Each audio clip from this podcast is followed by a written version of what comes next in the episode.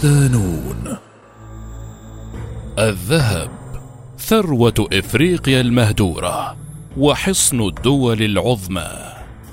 مقال لصابر طنطاوي ضمن ملف حروب المعادن.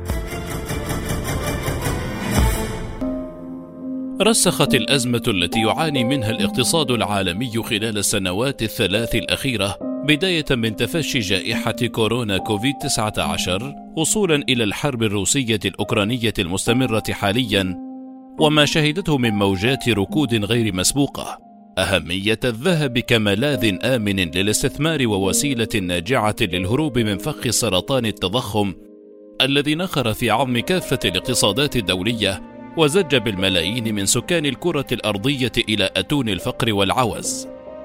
وتحول المعدن الأصفر من مجرد معدن نفيس ذي قيمة مالية كبيرة إلى ملاذ لرؤوس الأموال وبورصة كبيرة للاستثمار في ظل التوقعات الإيجابية بتحقيقه المزيد من المكاسب المضمونة. يفوق في كثير من مساراته سوق الطاقة الذي كان حتى وقت قريب الساحة الأكثر أمانًا هذا في الوقت الذي تعاني فيه معظم المجالات الاستثمارية الأخرى من هزات وتقلبات وبينما يتوقع إطالة أمد الأزمة الاقتصادية واستمرار موجات الركود التضخمية في حالة السيولة السياسية والأمنية التي يعاني منها العالم سيتحول الذهب إلى القبلة الاستثمارية الأكثر استهدافا من رؤوس الأموال العالمية. كما ستتحول البقاع التي تمتلك احتياطيا كبيرا من هذا المعدن إلى ساحة للتنافس بين الحكومات والشركات. المعدن الأصفر يرمز للذهب بالرمز ايو وعدده الذري 79 وهو ضمن عناصر المجموعة الحادية عشر في الجدول الدوري.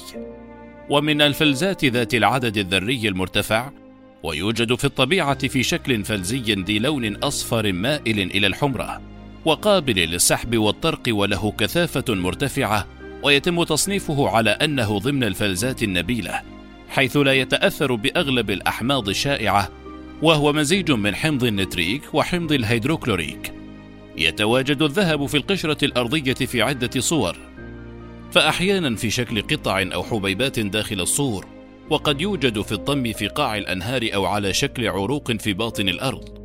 وفي بعض الأحيان يوجد على شكل محلول جامد مع معدن الفضة في سبيكة الإلكترون. وقد يندمج مع فلزات أخرى كالنحاس والزئبق مكونا سبائك طبيعية. هناك العديد من النظريات التي تطرقت إلى نشوء الذهب بعضها يعزوه إلى عمليات التخليق النووي في المستعارات العظمى وإن جاء نتيجة التصادم بين النجوم النيوترونية إذ كان متواجدا على هيئة غبار أثناء التشكل المجموعة الشمسية، وهو ما يدفع بعض الباحثين إلى الذهاب إلى أنه ربما كان موجودا في نواة الأرض حين كانت الأرض منصهرة أثناء تكون المجموعة الشمسية. ويميل أنصار هذا الرأي إلى أنه قبل ملياري سنة اصطدم كويكب بالأرض وتسبب في حدوث فوهة فريدفورت وهي المسؤولة عن إغناء حوض ويتوترسراند في جنوب أفريقيا بمكامن الذهب ومن هنا بدأ غبار الذهب في الانتشار. لكن هذا الرأي قوبل ببعض التشكيك، حيث ذهب رأي آخر إلى أن الصخور التي تحمل الذهب في الحوض الجنوب أفريقي، وهو مركز تموضع الذهب على الأرض، موجودة في فترة تعود ما بين 700 إلى 950 مليون سنة قبل وقوع حادثة الاصطدام.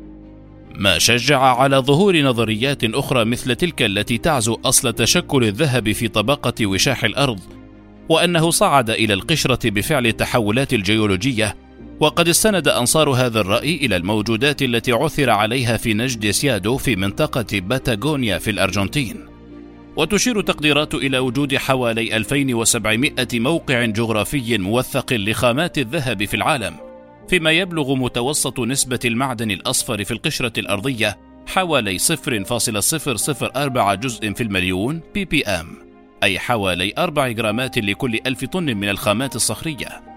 غير أن تلك القيمة ليست ثابتة فهي تتغير من مكان لآخر بحسب المنطقة. أقدم الاكتشافات التعدينية. تتباين الآراء حول تاريخ اكتشاف الذهب غير أن الراجح منها ما أشار إلى أن أقدم مرجع مكتوب يشير إلى مكامن هذا المعدن قد سجل عام 1900 قبل الميلاد في عهد الأسرة المصرية الثانية عشر في مصر القديمة. أما أقدم خارطة معروفة للمناجم الذهبية فكانت في عهد الأسرة المصرية التاسعة عشر فترة 1320 1200 قبل الميلاد. غير أن معرفة المصريين القدماء بالذهب تعود إلى ما قبل ذلك وهو ما كشفته تلك المنحوتات المكتوبة باللغة الهيروغليفية القديمة التي تعود إلى عام 2600 قبل الميلاد. حيث دون الملك تشراتا في القرن الخامس عشر قبل الميلاد أن الذهب في مصر أكثر من الغبار خاصة في منطقة النوبة جنوب مصر. وكان يطلق على مصر القديمة اسم نبو أي حورس الذهبي وهي أحد الأسماء التي كان يوصف بها فرعون مصر كما عثر على كميات كبيرة من الذهب أثناء التنقيب عن الآثار المصرية حيث كانت سمة رئيسية في تلك الفترة. وكثيرا ما عثر على تيجان وتوابيت بأكملها من الذهب ما يؤكد انتشار هذا المعدن في تلك الحقبة التاريخية القديمة. كما انتشر تعدين الذهب في روما القديمة ويعد منجم لاس مادولاس في هسبانيا أشهر مناجم أشهر مناجم الذهب في عهد الإمبراطورية الرومانية وفي العصور الوسطى كانت الإرهاصات الأولى لعلم التعدين حيث كان أحد أهداف الخيميائيين أحد فروع الفلسفة الطبيعية القديمة التي كانت تهتم بتنقية المواد الطبيعية هو تحويل المعادن رخيصة الثمن إلى ذهب. ومع مرور الوقت وزيادة التجارب بدأ هذا العلم يتبلور بشكل محوري ويعود الفضل فيه لاحقا إلى جابر بن حيان من خلال اكتشافه تركيبة الماء الملكي الذي بمقدوره أن يحل الذهب. وفي القرن الخامس عشر والسادس عشر الميلادي كان شعب الأزتك وهي حضارة قديمة في الأمريكيتين حاليا تسمى المكسيك يعتبرون أن الذهب منشأ إلهي بل كانوا يسمونه حرفيا بزر الآلهة في لغتهم نواتل. وكان انتشار هذا المعدن في تلك المنطقة والحديث عن وجود مدن بأكملها من الذهب سببين رئيسيين في دفع الأوروبيين إلى اكتشاف العالم الجديد. خارطة الإنتاج. يبلغ إنتاج العالم من الذهب تقريبا حوالي ثلاثة آلاف وأربعمائة وسبعة عشر طنا متريا. تتصدره الصين بإنتاج بلغ أربعة آلاف وخمسمائة طنا متريا تليها أستراليا بمئتين وسبعين طنا ثم روسيا بمئتين وخمسين طنا. فيما تأتي الولايات المتحدة في المركز الرابع بمئتين وتسعة أطنان وكندا خامسا بمئة وسبعين طنا ثم بيرو بمئة وخمسين طنا وجنوب إفريقيا بمئة وأربعين طنا. فيما تأتي أندونيسيا وأوزباكستان في المرتبة الثامنة والتاسعة بإنتاج بلغ 100 طن متري لكل منهما.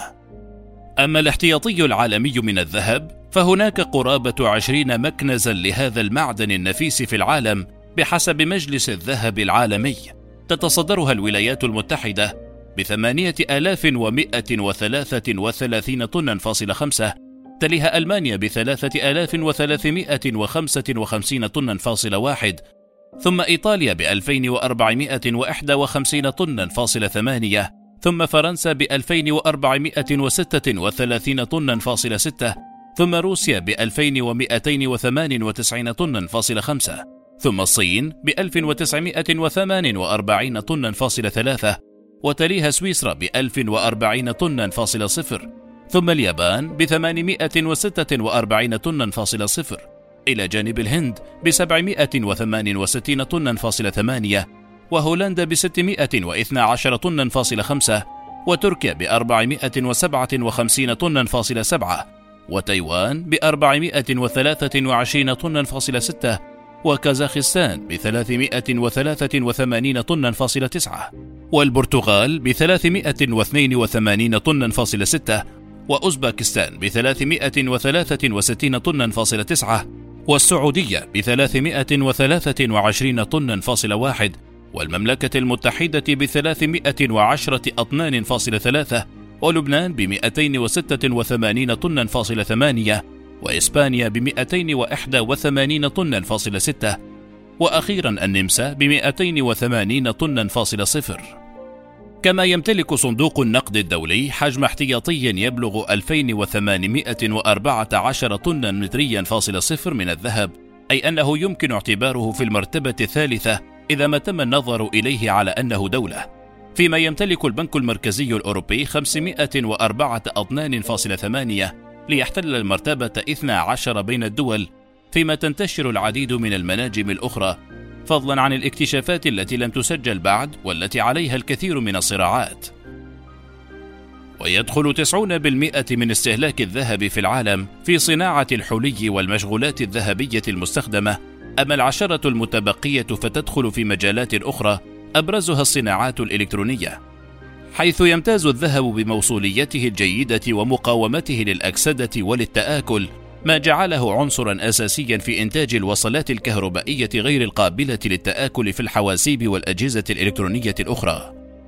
وتحوي التقنيات الإلكترونية في اليابان حوالي 16% من الذهب و22% من الفضة نسبة إلى الكمية العالمية في الصناعات الإلكترونية. كذلك هناك استخدامات أخرى لأغراض طبية. وقد استخدم في تلك الأغراض منذ القدم حيث استخدم في القرون الوسطى في علاج الاضطرابات العصبية مثل الاكتئاب والصرع واستخدم في طب الأسنان وغيره من المجالات الأخرى. الملاذ الآمن لرؤوس الأموال.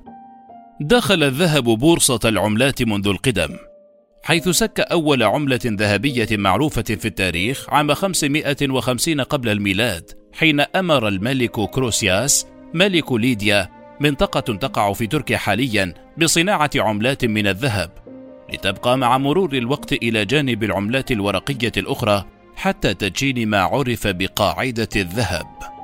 وقاعدة الذهب هي نظام نقدي يقوم في الأساس على استخدام المعدن كمعيار لتحديد قيمة العملة الورقية لبلد ما، وذلك من خلال ربط العملة بكمية ثابتة من الذهب، وعليه يتم التحويل السهل من عملات ورقية إلى كميات من الذهب، وبموجب تلك القاعدة يستطيع أي شخص تقديم العملات الورقية للدولة ويحصل في مقابلها على ما يساويها من الذهب.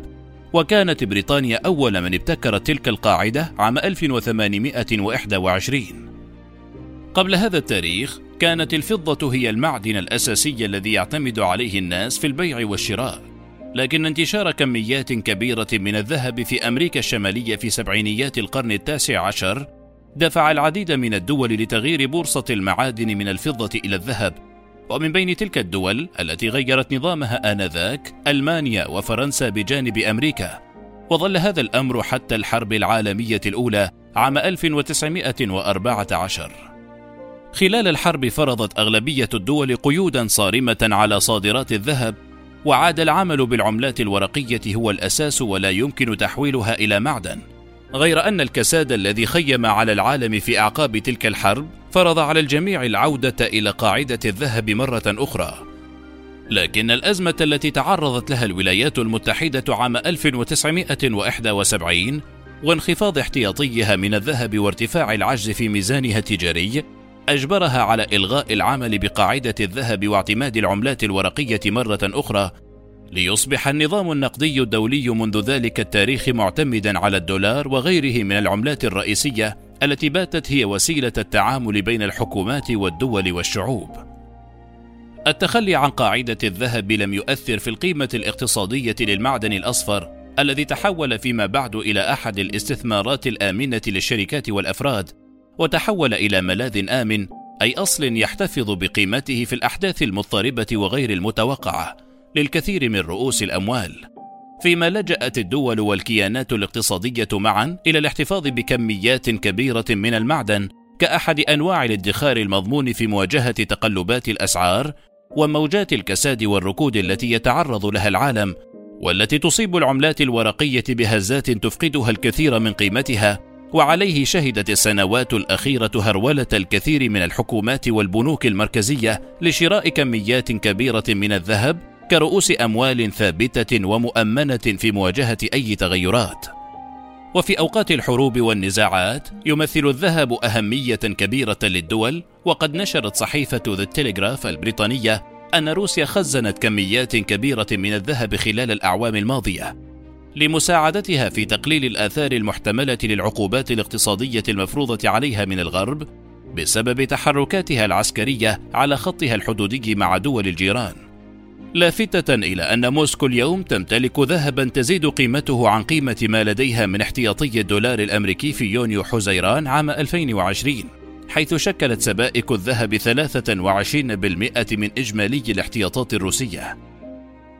الملياردير الأمريكي الشهير وورن بافيت كانت له مقولة معروفة تعكس حجم كراهيته للذهب في العموم حين قال إن الذهب يستخرج من الأرض ثم نقوم بصهره ونحفر مكانا جديدا في الأرض لنضعه فيه وندفع أموالا لأشخاص من أجل حراسته إنه لا يمثل أي منفعة. ومع ذلك وبعد سنوات من هذا الاعتقاد تحول إلى الاستثمار في مجال التنقيب حيث استثمرت شركته Berkshire Hathaway قرابة 565 مليون دولار في ثاني أكبر شركة تعدين للذهب في العالم شركة Barrick Gold Corporation الكندية. اعترافا منه بقيمة المعدن الأصفر كأحد الملاذات الآمنة للاستثمارات ورؤوس الأموال في مواجهة الأزمات الاقتصادية العالمية. عوامل تعزيز مكانة الذهب عالميًا استعرض مجلس الذهب العالمي WGC في دراسة أجراها أبرز الخصائص التي تعزز أهمية المعدن الأصفر اقتصاديًا، والتي تضعه على قائمة المعادن الاستراتيجية في العالم. أولها أنه حقق عائدًا أفضل من جميع السلع الأخرى على المدى الطويل ومخاطر أقل. فحقق متوسط عائدات سنوية قدرها 10.4% منذ إلغاء معيار الذهب عام 1971 وعائدا سنويا مركبا بلغت نسبته 7.6% ما جعل أداءه الاستثماري يتماشى مع مؤشر Standard & Poor's 500 على المدى الطويل كما أنه يتمتع بخصائص تنويع مهمة في فترات المخاطر ما جعله أكثر الاستثمارات التنويعية فعالية مقارنة مع السلع الأخرى، حيث لبى رغبة المستثمرين في البحث عن أصول سائلة عالية الجودة تحافظ على رأس المال وتقلل من الخسائر.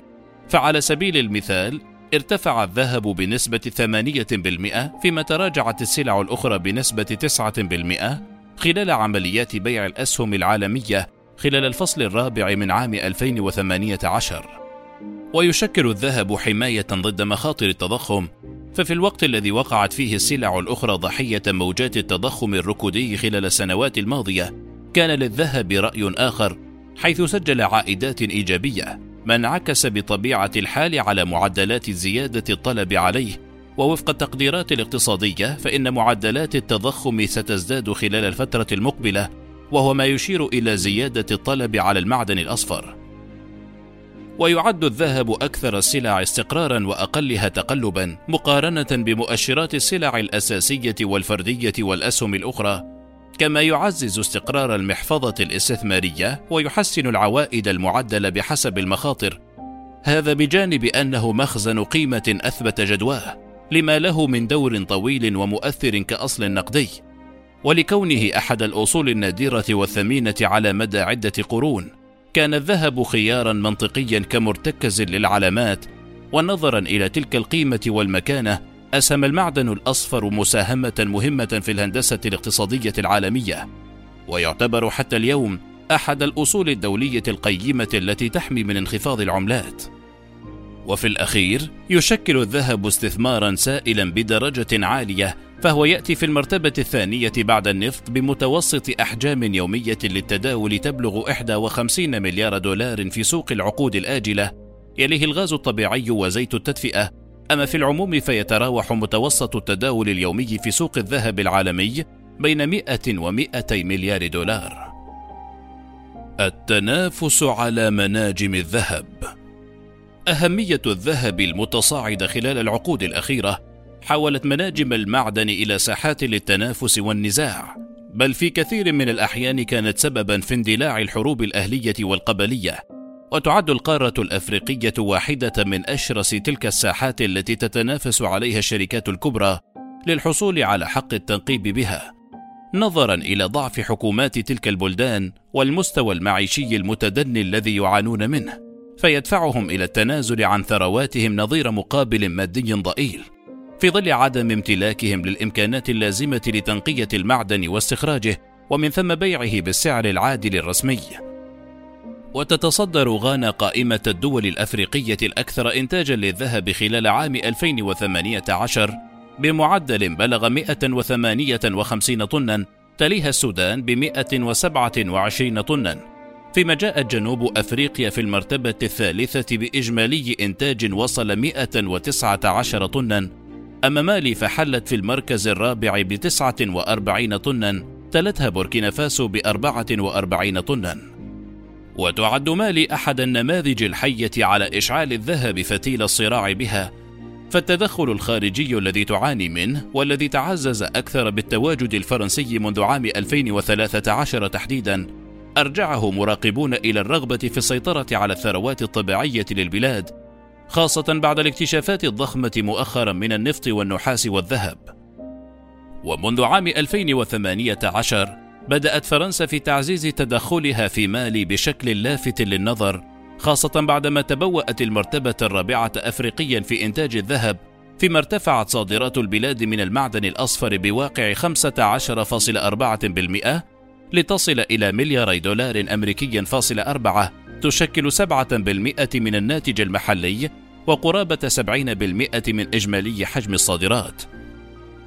ومن مالي إلى تشاد تعد مناطق الشريط الحدودي الجنوبي لليبيا والرابط بين تشاد والنيجر والسودان والجزائر من أغنى المناطق التي تحتوي على الذهب في أفريقيا وعليه تحولت إلى بؤر صراع وتوتر أمني دائم بسبب النزاع على التنقيب عن المعدن بشكل غير قانوني. وقد تحول هذا الشريط إلى ساحة كبيرة للتنافس بين القبائل. ففي الجنوب الغربي تسيطر قبائل التبو والحساونة والمحاميد وفي الشريط القريب من الحدود مع الجزائر تسيطر قبائل التبو والطوارق.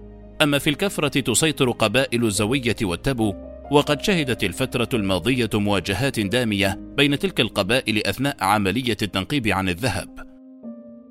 الدول الكبرى عبر شركاتها حرصت هي الأخرى على المنافسة على كعكة الذهب الأفريقي. حيث نجحت شركة وامبو الصينية في الحصول على أكثر من عشرية عقود امتياز للتنقيب عن الذهب في السودان في أكتوبر تشرين الأول 2020 بجانب ست شركات محلية أخرى.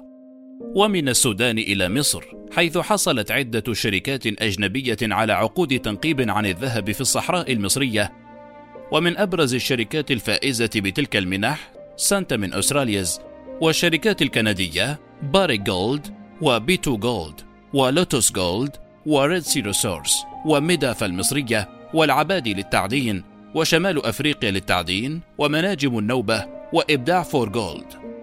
وقد وضعت بعض الدول ذهب أفريقيا نصب عينيها وذلك للحصول عليه بشتى السبل القانونية منها وغير القانونية انعاشا لخزائنها من هذا المعدن الذي تزداد قيمته يوما تلو الآخر والذي أصبح بمثابة الضمانة الأكثر استقرارا في مواجهة أي تقلبات سعرية في سوق السلع العالمي. ولعل حصول الإمارات على الذهب السوداني أحد النماذج الفجة على هذه السياسة الدولية الجديدة. من المتوقع خلال الفترة المقبلة والتي يرجح فيها استمرار موجات الركود التضخمية أن يتعاظم التنافس بين الشركات الكبرى والكيانات الاقتصادية العظمى خاصة الولايات المتحدة والصين وروسيا ومعهم كندا وفرنسا. من أجل الحصول على منح وعقود التنقيب عن المعدن الأصفر الذي تحول إلى سلعة استراتيجية قادرة على تغليب كافة اقتصاديات دون أخرى في ساحة التنافس العالمي. المشتعلة حالياً.